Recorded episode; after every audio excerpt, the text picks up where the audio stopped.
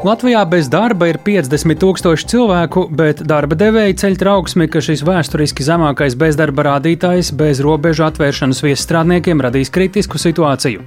Redījumā pēcpusdienā vēstīsim arī par briestošo krīzi zemkopības ministra un pārtikas tirgotāju attiecībās. 20 lielāko ražotāju peļņa ir mazāka kā viena vairuma tirgotāja peļņa absolūtajos ciparos. Reizekne tā aizrāvusies ar tēriņiem izpriecām, ka nonākusi bankrota priekšā, bet spriedzi rada Wagner grupējuma koncentrēšanās NATO robežu tuvumā. Par to visu plašāk redzējumā pēcpusdienā kopā ar mani Tāli Eipuru.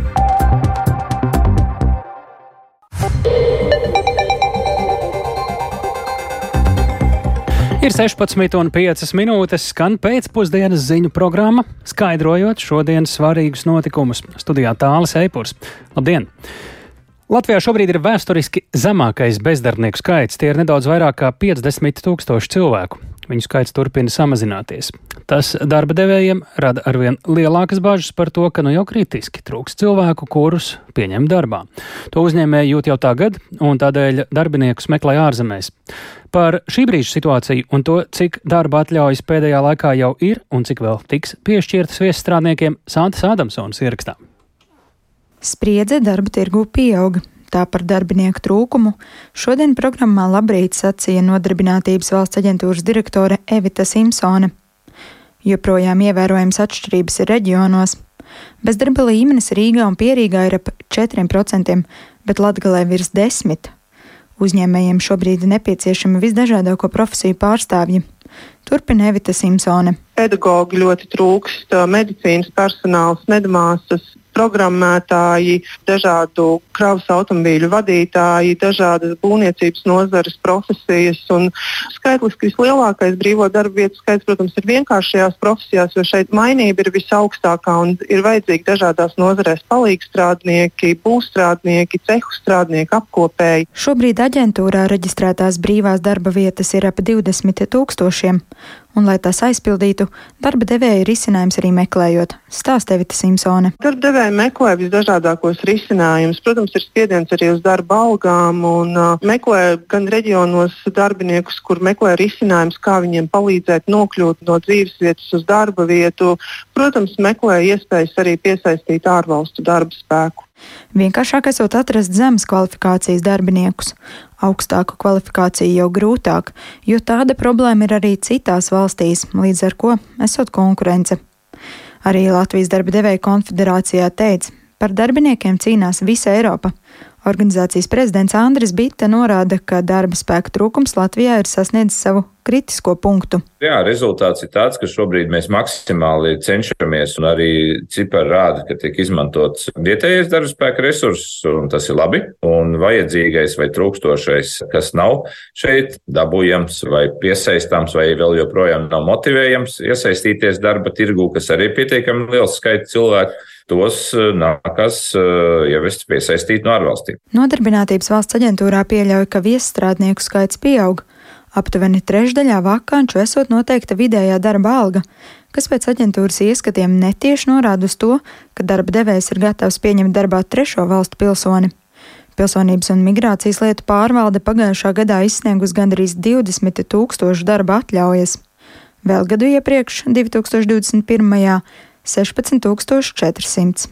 Pērn tie ir bijuši pilsoņi no kopā 85 valstīm, visvairāk no Uzbekistānas, Baltkrievijas un Ukrainas. Savos novērojumos dalās arī darba devēja interešu pārstāvis Andris Bitte. Šī piesaiste notiek ar vien tālākās valstīs, un tā, diemžēl, ir dzīves realitāte.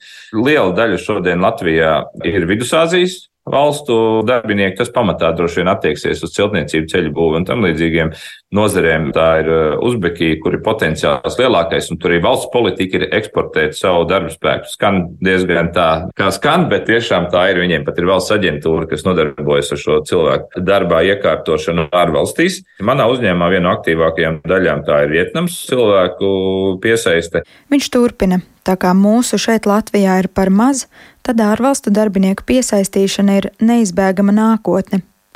Pēc darba devēja konfederācijas ieskatiem imigrācijas nosacījumi būtu jādara uzņēmējiem brīvāki, un ārvalstnieku nodarbināšanai šeit būtu jānosaka kādi termiņi. Santa Adamsona, Latvijas Rādio. Pēc tam, kad Krievija atklāti iebruka Ukrainā, Latvijā darbu sāka meklēt arī daudzi kara bēgļi. Nodarbinātības valsts aģentūrā pēc atbalsta arī tikai tāda, kas nozīmē konsultācijas un arī darba sākšanas pabalstu. Vērsušies vairāk nekā 23 tūkstoši Ukraiņas iedzīvotāji. Kopumā bezdarbnieku statusā šajā laikā kādu brīdi bijuši 6,5 tūkstoši bēgļu, bet tagad viņu ir nedaudz virs diviem tūkstošiem. Tā Latvijas radio noskaidroja Nodarbinātības valsts aģentūrā. Tikmēr par darbinieku skaita samazināšanu jādomā Reizeknē. Reizeknas pašvaldība nonākusi nopietnās līdzekļu grūtībās apmēram 3 miljonu eiro trūkst iesākta atpūtas objekta pabeigšanai, un tas draud arī ar tajā jau ieguldīto miljonu atmaksāšanu. Reizeknē augusta sākumā Finanšu ministrijai ir jāiesniedz budžeta stabilizēšanas ilgtermiņa plāns. Tāpat arī vidas aizsardzības un reģionālās attīstības ministrs Māris Sprindžuks no apvienotā saraksta varētu rosināt plašāku revīziju Rēzeknas vietvarā. Šobrīd nav ziņu, ka citām pašvaldībām būtu tik būtiskas budžeta problēmas. Tiesa sarežģījumus daudz vietā rāda kredītiem strauji augošās eirboru likmes. Vairāk Jāņa Kīņš ierakstā. Reizeknas pašvaldībai izdevumu sekšanai šajā gadā pietrūkstot aptuveni 3 miljonu eiro. Lai iekonomētu līdzekļus, domas vadības uzdevumā iestāžu un pārvalžu vadītāji ir sagatavojuši priekšlikumus darbinieku skaita samazināšanai. Domas opozīcija šādu uzdevumu kritizē, jo varot atrast citas iespējas līdzekļu ietaupīšanai. Reizeknas domas budžeta problēmām uzmanību pievērsus gan Finanšu ministrija, gan pašvaldību darbu pāraugošā vidas aizsardzības un reģionālās attīstības ministrija. Bažīgs par radušo situāciju ir vidas aizsardzības aizsardzības un reģionālās attīstības ministrs Māris Sprindžuks no apvienotā saraksta. Viņš sarunā Latvijas radio stāstīja, ka sagaidīs Finanšu ministrijas vērtējumu par Reizeknas pašvaldības plānu budžeta situācijas stabilizēšanai. Pašvaldībai var draudēt finanšu stabilizācijas process, kas nozīmē stingru Finanšu ministrijas kontroli par visiem pašvaldības izdevumiem. Atkarībā no Finanšu ministrijas atzinuma Sprindžuks varētu rosināt plašāku auditu Reizeknas vietvarā. Pašlaik neatbildēts ir jautājums, vai Reizeknē sadārdzinājumu piedzīvojušā atpūtas kompleksa kompleksa būves dēļ necietīs pašvaldības pamatfunkcijas, tajā skaitā izglītība un sociālā palīdzība. Tā ir tiešām stāsts pēc būtības, kā tiek vadīts pašvaldības finanses, kur valstī ir svarīgi sakārtot skolu tīklus, sabiedriskos pārvadājumus starp skolām, saimniecību, kas ir likumā obligātās lietas. Jo nav tā, ka pašvaldība aiziet uz priekiem un savukārt pamatlietas ir novārtā. Tagad valkot jostas jautājums, tad kurā vietā savilks, ka nav tā, ka tiek atņemta nauda pamatfunkcijām. Man izskatās, ka tur prasās tomēr audits pēc būtības, kas notiek ar finansēm. Neatrodot 3,3 miljonus eiro atpūtas kompleksa sadārdzināto būvdarbu pabeigšanai, Rezeknas vietvars finansiālās nepatikšanas var tikai pieaugt. Tādā gadījumā varētu nākties atmaksāt jau izmantotos 5 miljonus eiro no Eiropas struktūra fondu finansējuma. Informācija par samilzušajām Rezeknas valsts pilsētas budžeta nedienām, kas varētu novest arī līdz darbinieku skaita mazināšanai, bijis pārsteigums Latvijas Lielo pilsētu asociācijas izpildirektoram Normundam Audzišam.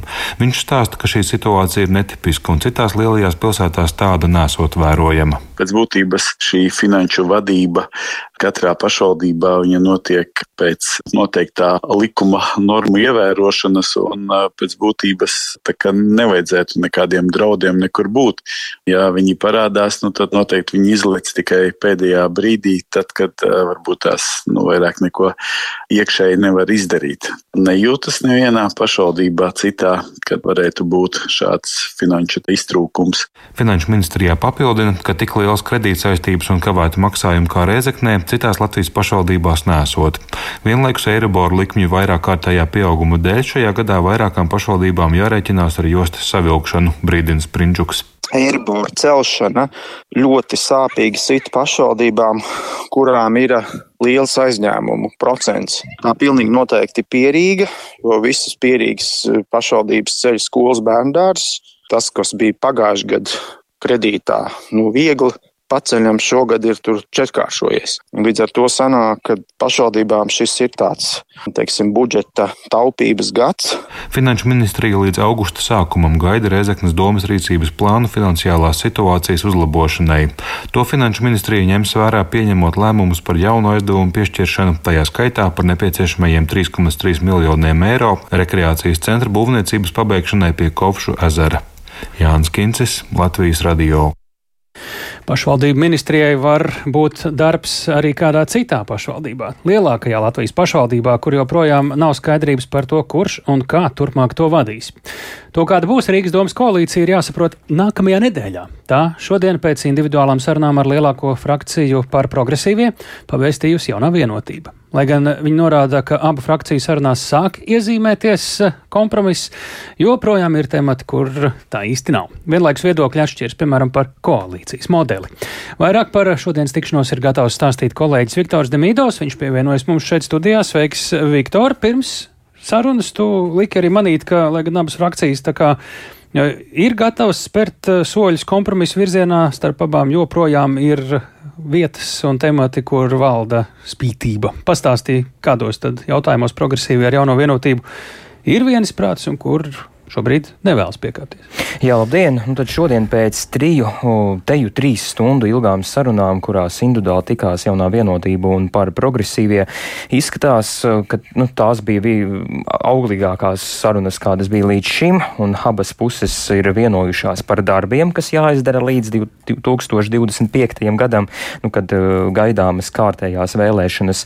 Un, kā teica jaunā vienotība, tad abiem politiskajiem spēkiem ir vienprātība atbildība par prioritātēm. Un tas attiecas, piemēram, uz mājokļu jautājumiem, satiksmes infrastruktūru un par pārēju uz mācībām latviešu valodā skolās. Ja? Tātad par šiem jautājumiem viņi ir, mm, viņi ir vienojušies. Te, taču viedokļi būtiski atšķiras koalīcijas uzbūvē, un iepriekš jau esam ziņojuši, ka progresīvie vēlas, lai Rīgā būtu tikai viens vicemērs, tādējādi pilsētu, viņuprāt, varētu labāk pārvaldīt. Turpretim jaunā vienotība, kas izskatās ir pārņēmusi līdera lomu tieši šajā koalīcijas sarunās. Viņi uzskata, ka to darīt nevajag, it īpaši ņemot vērā, ka līdz kārtējām domas vēlēšanām nemaz tik daudz laika nav atlicis. Nu, tie ir divi gadi. Un vairāk lūdzu paklausīsimies jaunās vienotības frakcijas vadītāju Olafu Pulku. Par darbiem tiešām es piekrītu. Mums bija diezgan vienots redzējums. Es teiktu, ka pat pārsteidzoši vienots un mūsu piedāvājums progresīvajiem principā ir pieņemams. Bet jautājums, kurš to darīs? Un tagad pie tā mēs esam nedaudz iestrēguši. Nu, tur tās principālās atšķirības ir vienas. Vai nu mēs diezgan būtiski pārbūvējam visu to māju, kas ir būvēta no 2020. gada, es domāju, sadalījumu domē, vai arī tomēr saprotot, ka domas priekšstādātāja vieta ir atbrīvojusies, eh, mēs ievēlam domas priekšstādātāju un lielā mērā turpinām strādāt tādās pašās atbildības jomās. Nu, šeit mums sapratni vēl nav. Es teiktu, ka nākošajai nedēļai ir jābūt tam brīdim, kad mums ir skaidrība, vai mēs strādājam kopā vai nestrādājam. Beigās dzirdējām arī mēra pienākumu izpildītāju Vilni Čirsi no jaunās vienotības. Nu, jāsaka, ka abām pusēm ir arī dažādi skati, kā šo vispār, vispār šo viedokļu atšķirību atrisināt, nu, kā šo kompromisu atrast. Un, piemēram, progresīvie vēlas vispirms izrunāt darāmos darbus, bet jaunā vienotība pašu koalīcijas uzbūvi. Un, lai rastu kopsaucēju, abas puses apgalvo, ka ir gatavas spērt soli kompromisam. Un, piemēram, jaunā vienotība norāda, uh, ka, ja progresīvi atkāpsies no sava uzskata, ka Rīgā ir jābūt vienam vicemēram, un tātad mēra, vien, uh, mēra vietnieku skaits paliek nemainīgs, tad viņi uh, progresīvajiem varot piedāvāt nodarboties ar velo infrastruktūru, mikromobilitātes jautājumiem. Un, savukārt progresīvi apgalvo, ka viņi kompromisa soli jau ir spēruši, tātad viņi nevirzīs savu cilvēku uz mēra amatu. Respektīvi, viņi nebūs dod... mēra, bet lai citiem nav vicemēru. Nu, jā, jā, bet tādā ziņā, ka viņi ir gatavi tam, lai pati jaunā vienotība, Nacionāla apvienība, Latvijas reģiona apvienība un kaut kas Rīgai paši izraugās izvēlējās to mm. mēru. Un eh, vairāk paklausīsimies progresīvo frakcijas vadītāju Mārtiņu Kosoviču. Mēs esam kompromisu spēruši, mēs sagaidām no saviem kolēģiem arī kompromisu. Šobrīd šajos jautājumos mēs neredzam to. Te vēl mēs sarunas turpināsim. Bet tiklīdz mēs sākam runāt par darbiem, vienalga, vai tas būtu jautājums par brīvības ielas mierināšanas, vai par krematoriju jautājumiem, vai par bērnu dārza rindas samazināšanas, mēs redzam, ka vēlme strādāt kopā ir. Mūsu viedoklis ir tāds, ka mums aizvien vairāk būtu jārunā, ko mēs šajos divos gados tiešām vēlamies panākt. Jāpienaglo šīs vienošanās arī partneru piedāvātā memoranda projektā, lai sabiedrība zinātu, kāpēc mēs gribam kopā strādāt, nevis kādos vicemēra amatos sēdēt. Dzirdējām par progresīvo frakcijas vadītāju Mārtiņu Kosoviču. Nu jā, viņš jau pieminēja šo memorandu. Vakar progresīvie saņēma piedāvājumu noslēgt no nu, šo memorandu ar trijām pārējām līdzinājās koalīcijas frakcijām. Vakar viņi vēl nebija neko par to izlēmuši šodien? Jā, viņi teica, ka plāno ieviest korekcijas, nu vismaz izteikt savus viedokļus, kādas varētu būt tās korekcijas, bet kopumā viņi gatavi to parakstīt, šo sadarbības memorandu, bet tas notiks visticamāk nākamajā nedēļā. Nu, ja notiks. Ja notiks, jā, bet trīs, trīs frakcijas to ga, bija gaidījušas, ka tas gaidāms rīt, labākajā gadījumā piekdien, nu, rīt vai piekdien, bet, bet uh, tad attiecīgi progresīvie saka, visdrīzāk tas būs jaunadēļ. Bet, ja runājam par turpmākajām sarunām, tā tad tā bija individuālā saruna ar jauno vienotību. Atlika vēl divi koalīcijas. Nu, potenciālās koalīcijas partneri Jakauts Rīgai un, un Nacionāla apvienība Latvijas reģiona apvienība. Uh, pro, no Kauts Rīgai es nu pat uh, saņēmu ziņu, ka uh, rītdienas tikšanās nenotiks un divpusējā, uz divpusējām sarunām viņi aicina tikties nākamajā nedēļā.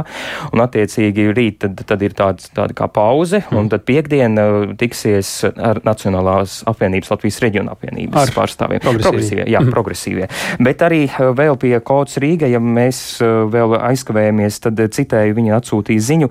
Mūsu kods Rīgai, eh, jaunā vienotība un Nacionāla apvienība Latvijas reģiona apvienības kopas ietvaros esam atraduši kopsaucēju, taču pagaidām to nevaram teikt par par progresīvo frakciju kuras nākotnes sadarbības mm, piedāvājumi līdz šim bijuši drīz, drīzāk destruktīvi. Taču Kauts Rīgai ir noskaņoti apņēmīgi veidot jaunu rīcības mhm. spējīgu mm -hmm, koalīciju. Paldies, Viktor. Nu, tas, ir, jā. tas ir tas pats galvenais. Ka... Turpināsim sekot stāstām Rīgas domē, bet uh, zemkopības ministrs Digis Šmits no apvienotā saraksta negrasās atsaukt sevis pausto par trīskāršu veikalu uzcenojumu pārtikai.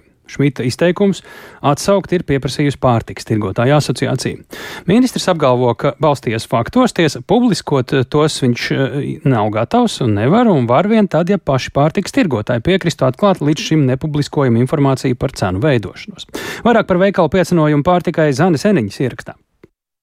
Latvijas mazumtirdzniecībā konkurence nedarbojas. Ja jau var atļauties tādiem produktiem kā putrēm un grūbas likt uzcenojumu 300% plus PVN. Apmēram tā pirms vairākām dienām izteicās zemkopības ministrs Digis Šmits no apvienotā saraksta. Latvijas pārtiks tirgotāju asociācija šādu informāciju uzskata par maldinošu.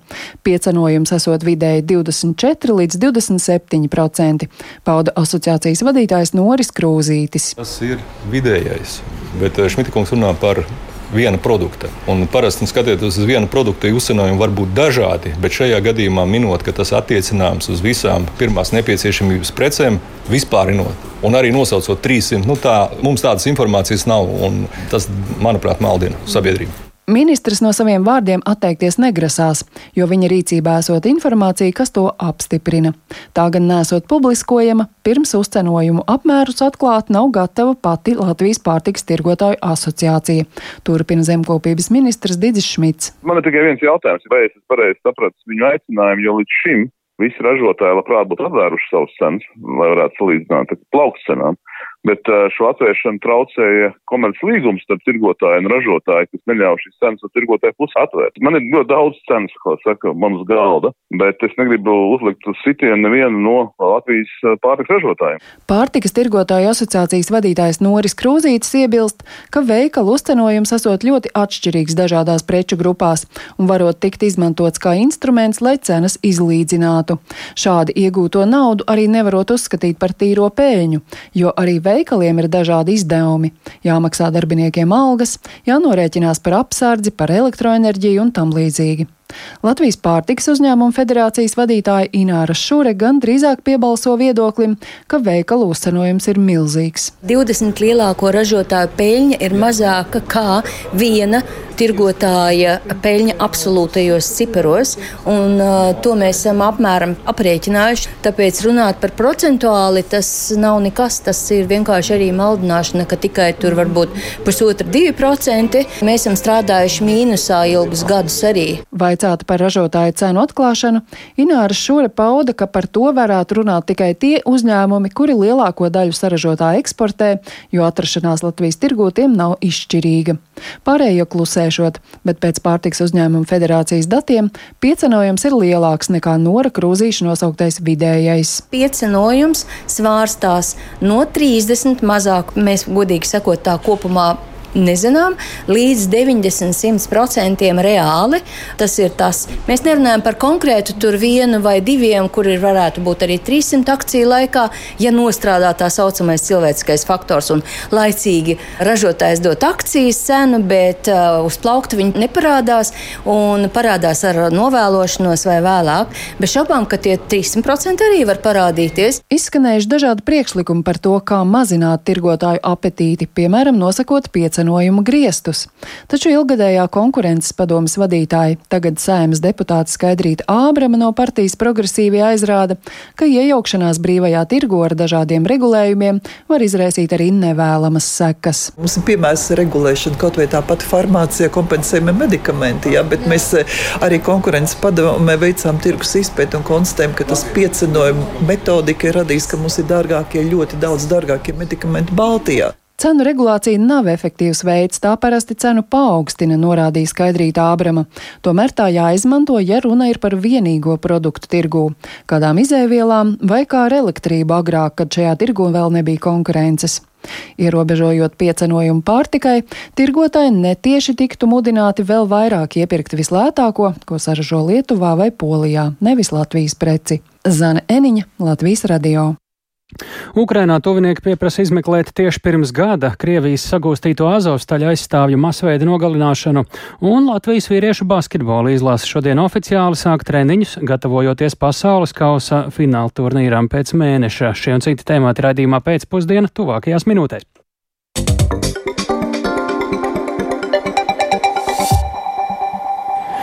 Vakar no nelikumīgas Latvijas-Baltkrievijas robežas ķersošanas atturēti 32 cilvēki. Šogad kopā tie ir jau gandrīz 5000. Tas tikai tātad nedaudz atpaliek no visa pagājušā gada laikā kopā fiksētajiem atturēšanas gadījumiem.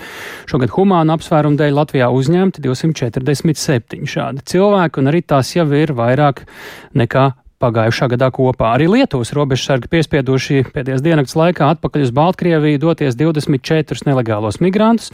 Šogad šādu gadījumu uz Lietuvas Baltkrievijas robežas bijis trīskārt mazāk nekā uz robežas ar Latviju. Pēdējo nedēļu laikā uz robežas ar Baltkrieviju parādījies jauns potenciāls apdraudējums. Tās tūmā ieradušies daži tūkstoši Krievijas algotņu grupējumu Wagner karavīru par saviem koncentrēšanās punktiem izvēloties vietas arī Polijas un Lietuvas robežu tuvumā. Analītiķi jau apspriež iespējamos Wagneriešu uzbrukumus vai provokācijas. Cik liels pamats ir satraukumam pie mūsu klausulas zemesardzes štāba virsnieks Majors Jānis Laidiņš. Labdien! Sveicināti! Nu, pēdējo dienu laikā izskan visdažādākie pieņēmumi par to, ko no Wagner algotņu ierašanās Baltkrievijā visai tuvu Polijas un Lietuvas robežām, un nav jau arī tā, ka ļoti, ļoti tālu no Latvijas var īsti nozīmēt un ko varam no viņiem sagaidīt. Kuriem no tiem izskanējušiem izteikumiem vai bažām jūs redzat pamatu un ko jūs labprāt noraidītu, kā jūs sacītu? Jā, nu šie viedokļi, protams, ir dažādāki. Un tas Orels, kas ap Wagneru, ka viņi ir uh, kā saka, super cilvēki, super varoņi, no viņiem ir jābaidās. Nu, tādi viņi radījuši šo auru sev apkārt. Jā. Tas, kad viņi ir un paliek uzticami Krievijas pasaules kaujinieki, tas arī nozīmīgi un visticamāk turpina pakļauties Kremlim, ne Lukašenko. Jā. Un, protams, viņu klātbūtne Baltkrievijā izsauc bažas. Tās ir pamatotas, jā, bet varbūt šobrīd mēs nevaram runāt par kādu militāru intervenciju no viņu puses, jā, jo īsti, īsti tur resursi nepietiek, bet par dažādām provokācijām uz robežas. Jā, nu redzam, ka Polijā šie migranti arī paliek agresīvāki, jā, un viņi var tikt iesaistīti tāda veida, jo viņi ir algotņi. Viņiem, viņus, kā saka, ilgi noturēt uz vietas nevar, nevarēs, viņiem kaut kas ir jādara. Jā. Nu, jautājums, kas tas būs? Nu, Kā redzams, tā ir pirmkārt apmācība, ko viņi veic Baltkrievijas teritorijām spēkiem un arī robežsargiem uzsākuši. Bet situācija jāskatās, protams, jā, nu, jābūt uzmanīgiem un jāsako līdzi viņu aktivitātēm. Bet par ko ir jābūt uzmanīgiem, par ko jāgatavojas un cik tam ir gatavi Polija, Lietuva, Latvija, NATO kopumā? Es domāju, ka polu kopumā šie draudi ir izvērtēti un uh, atbildīgās iestādes ir pieņēmušas lēmumus un izstrādājušas darbības plāns, ja kaut kas notiek. Uzmanīgiem jābūt viennozīmīgi, bet nu, nevajag arī pārvērtēt tas, ka uh, tagad Vāgnerieši ir Baltkrievijā, ka tur uh, šie draudi tik milzīgi, ja, ka jādomā, ka nezinu, kas varētu notikt. Bet kuri draudi varētu būt tie reālākie? Kas tad ir iespējams, ja jūs sakāt, ka tādus uh, klasiskus, nezinu, maršus uz Varšavu vai līdzīgi nav iespējams, kas tad varētu būt iespējams? Nu, šo es saku, vienīgi uz robežas varētu būt var provokācijas pieaugt, iespējams, var nelegālo imigrantu darbības pieaugt, jo uh, tie pietiekamā daudzumā Baltkrievijas teritorijā un var, varam atgriezties pie tās situācijas, kas bija divi gadus atpakaļ, kad nācās pielietot pietiekami liels resursus, lai nosargātu savu robežu. Šis viss, protams, ir cieši saistīts arī ar to, kas notiek Ukrainā, tā skaitā frontē. Kas tur šobrīd ir svarīgākais? Jo, nu, te varbūt nosacīti, protams, ļoti nosacīti pēdējo dienu laikā, ja neskaita Krievijas tādu noziedzīgo šaušanu pa Odesas ostām un citām vietām Ukrainā, nu, tieši izmaiņas frontē nav tas skaļākais notikums. Nu, ir gan informācija par pavirzīšanos priekšu nevienā viena vietā un lasām virsrakstus par iespējamu nopietnu Krievu spēku atkāpšanos dienvidu frontē. Kas ir tas, ko jūs esat konstatējis, kam būtu jā? jāpievērš pēdējās dienās, varbūt uz atpakaļ uz priekšu uzmanību? Nu, tādā skatoties uz uzbrukuma operācijām, ja jāsaprot, ka Ukraiņa joprojām uzbrukumu veids ar ierobežotiem spēkiem, lai iesaistītu galvenos spēkus, ir jāuzlabo taktiskā situācija un jāsagatavo kaujas lauks. Tas ir pašlaik galvenais iemesls, kāpēc viss uh, ir diezgan lēni. Jā. Un Ukraiņi turpina piekot savu šo pārbaudīto taktiku, dodot triecienus pa Krievijas munīcijas noliktavām, un galu galā šādai taktikai būs jāatnes panākumi. Tuvāko nedēļu laikā noteikti īpašu izmaiņu nebūs, jo pašlaik notiek sistemātiski Krievijas loģistikas uh, ceļu iznīcināšana. Tad arī iespējams būs redzams kāds izrāviens. Uh, Bet tas, ka situācija pie Bahmutas Ukrainai ir pozitīva, diemžēl smagāka situācija ziemeļaustrumos, eh, Kupjanskas un Svatovas sektoros, kur Krievija ir piesaistījusi pietiekami liels spēkus un uh, rada problēmas ar saviem uzbrukumiem. Jā, jāņem vērā, ka tur ir vairāk kā 100 tūkstoši Krievijas karavīri, kas varbūt nav labi sagatavoti, nav motivēti, bet viņi ir daudz. Paldies! Mēs sakām Jānim Slaidiņam un turpinām ar uh, stāstiem no Ukrainas šonadēļ. Aprit gads kopš Krievijas okupantu izveidotajā cietumā Donetskas apgabala Oleņivkā pērn tika nogalināti aptuveni 50 kara gūstekņi. Liela daļa no viņiem bija tieši Azovstaļa aizstāvji. Bojā gājušo un cietušo tuvinieki šobrīd pieprasa izmeklēt notikušo un vainīgās personas saukt pie atbildības. Ar cilvēktiesību aizstāvju atbalstu notikusi arī paralēla izmeklēšana par notikumiem Oļeņīvka cietumā. Vairāk par to esam sazinājušies ar Latvijas radio korespondenti Ukrainā Indru Sprānci. Indra? Jā, labdien! Šodien Kīvā preses konferencē vietējā cilvēktiesība organizācija un Oleņivkis cietumā bojā gājušo un cietušo tuvinieki informēja par savu tādu kā paralēlo izmeklēšanu, kurā mēģināts noskaidrot, kas naktī no 28. uz 29. jūliju notika Krievijas kolonijā šajā ciemā. Atgādināšu, ka pirms gada šajā naktī Oleņivkos bija dzirdami viens vai vairāki sprādzieniem līdzīgi trokšņi un um, bija eksplozija, kuras rezultātā gāja bojā ap 50 cilvēkiem.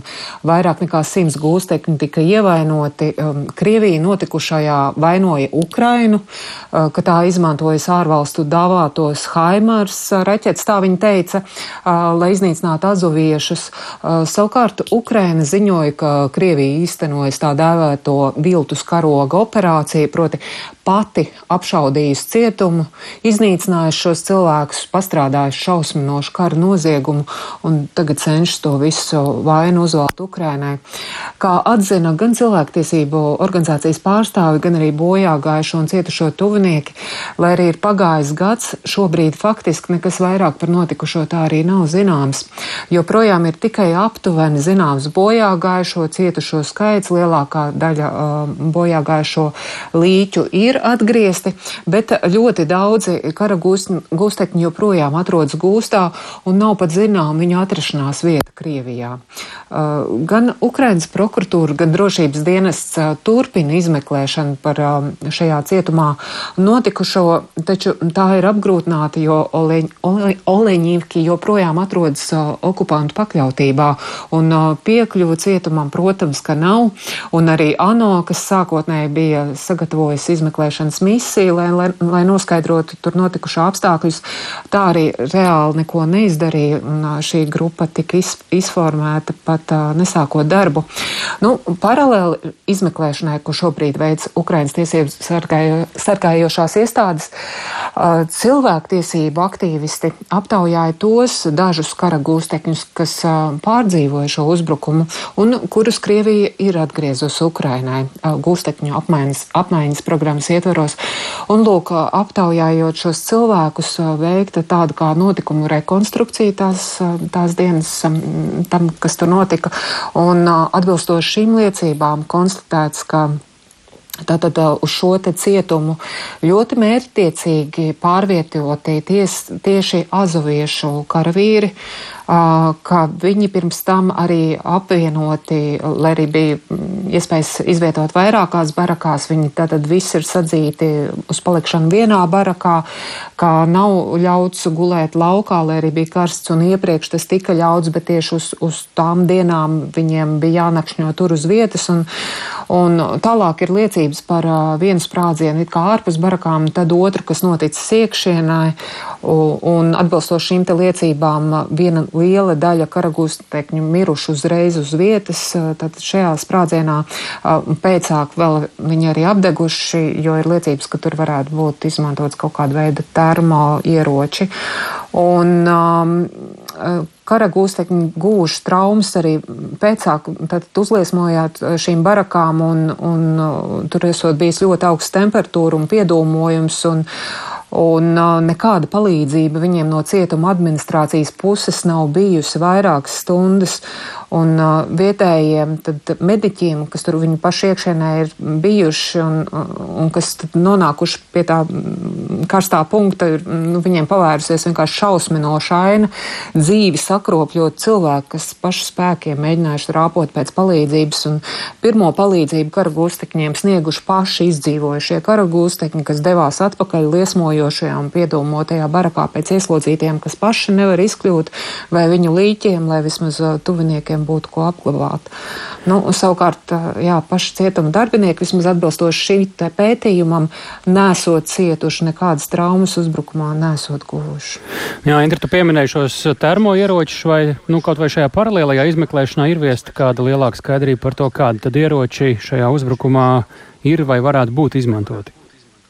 Nē, viņi uzsver, uh, ka tas joprojām nav skaidrs, un uh, viņi, kā norādīja izmeklēšanas grupas vadītāji, viņi faktiski varējuši izmantot tikai to informāciju, kas bija pieejama publiski un ko Krievija deva, proti, Krievijas mediji atrādījuši, un, jo, protams, arī viņiem nav nekāda pieeja šim te okupētajai teritorijai un šim te cietumam, taču no ieslodzītām, ieslodzīto liecībām zināms, ka tur, jā, ka tur ir vairākas tās liecības liecības par milz, milzīgi augsto temperatūru un, un, un, un ka varētu būt šie te termoieroči, daudz līķi apdeguši. Un, Un tāpat ir arī liecības par, par iespējamu tātad, pierādījumu viltošanu, pēc tam jau it kā novietojot raķešu daļas un, un atrādot tos.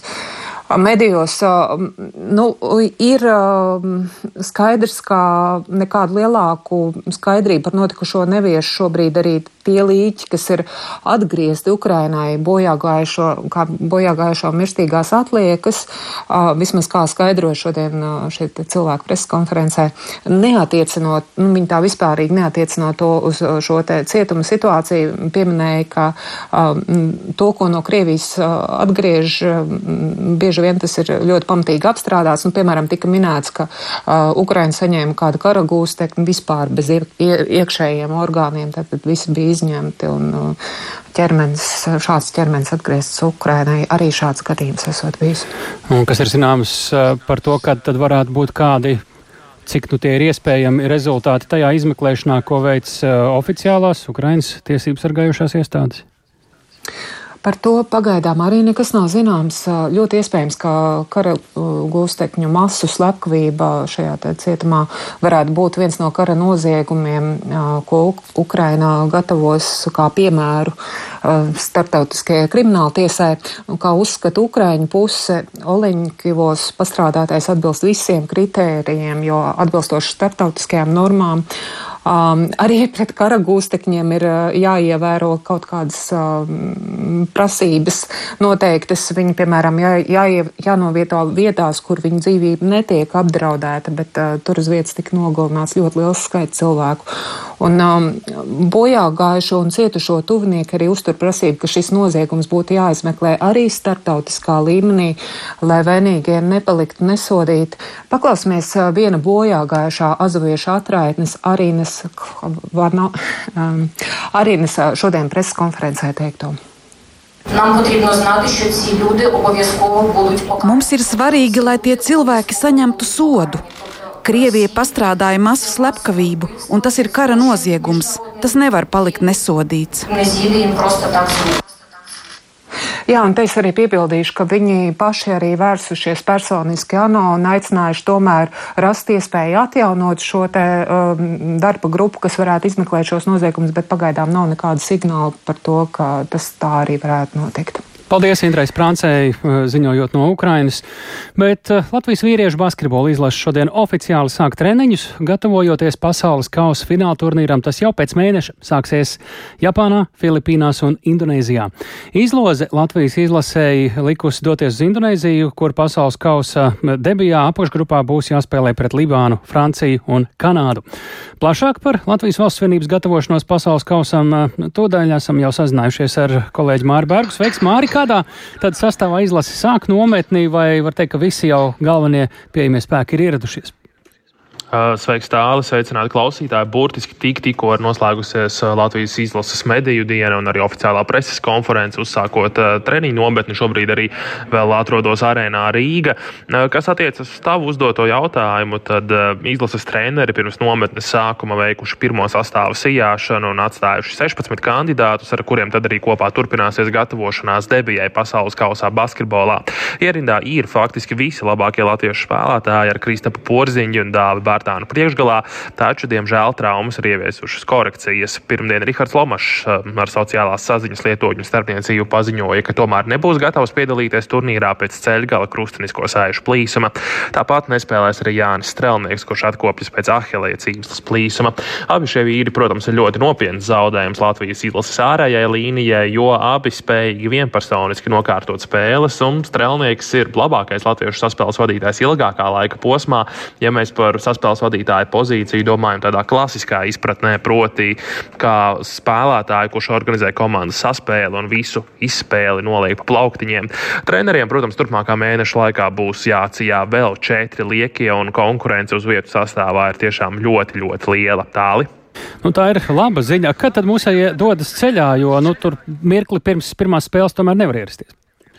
Nē, nē, mūsu ja neieradīsies Indonēzijā mirkli pirms pirmās spēles. Latvijas izlase patiesībā ceļā uz Āziju dosies jau 17. augustā. Komanda dosies uz Taivānu, tur aizvadīs vēl divas pārbaudas spēles. Um, tur tātad arī būs tāda jau kārtīga aklimatizēšanās, pierašana pie uh, šī Āzijas klimata, pie laika joslām un visām pārējām niansēm. Un pēc tam plānots, ka 23. augustā komanda dodas jau uz Džakartu. Tātad lidojums no Taivānas uz Džakartu 23. augustā.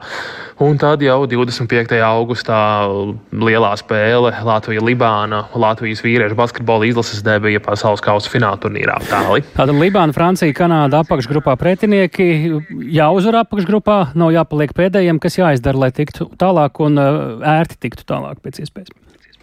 Nu, droši vien ir jāsāk ar katru spēli atsevišķi un jāmēģina uzvarēt katrā spēlē. Tas būtu pirmais. Eh, visi pretinieki ļoti respektabli grupa, viena no smagākajām, varbūt pat pati smagākā grupa visā turnīrā, kā izteicās komandas galvenais treneris Luka Banki.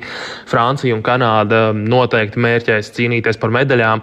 Libāna, komanda, kur mēs mazāk pazīstam, tomēr Āzijas kontinentā izcīnīt otro vietu viņu pasaules daļas čempionātā, tas arī tāpat vien nenotiek. Tātad arī tur ir pietiekami daudz talantu un meistarības. Mēs vienkārši šo komandu nepazīstam, bet viņus pilnīgi noteikti ir jārespektē.